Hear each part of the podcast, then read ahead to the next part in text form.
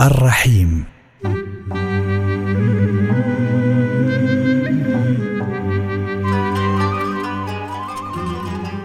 كم مرة تساءلنا كم تحمل الأم رحمة في قلبها؟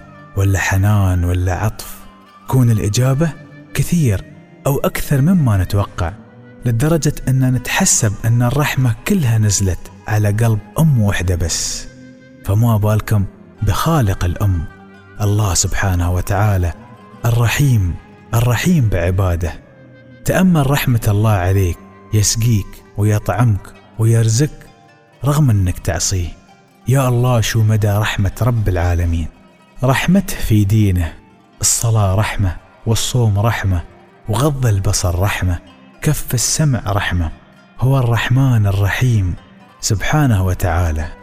سبحانك ربي الرحيم.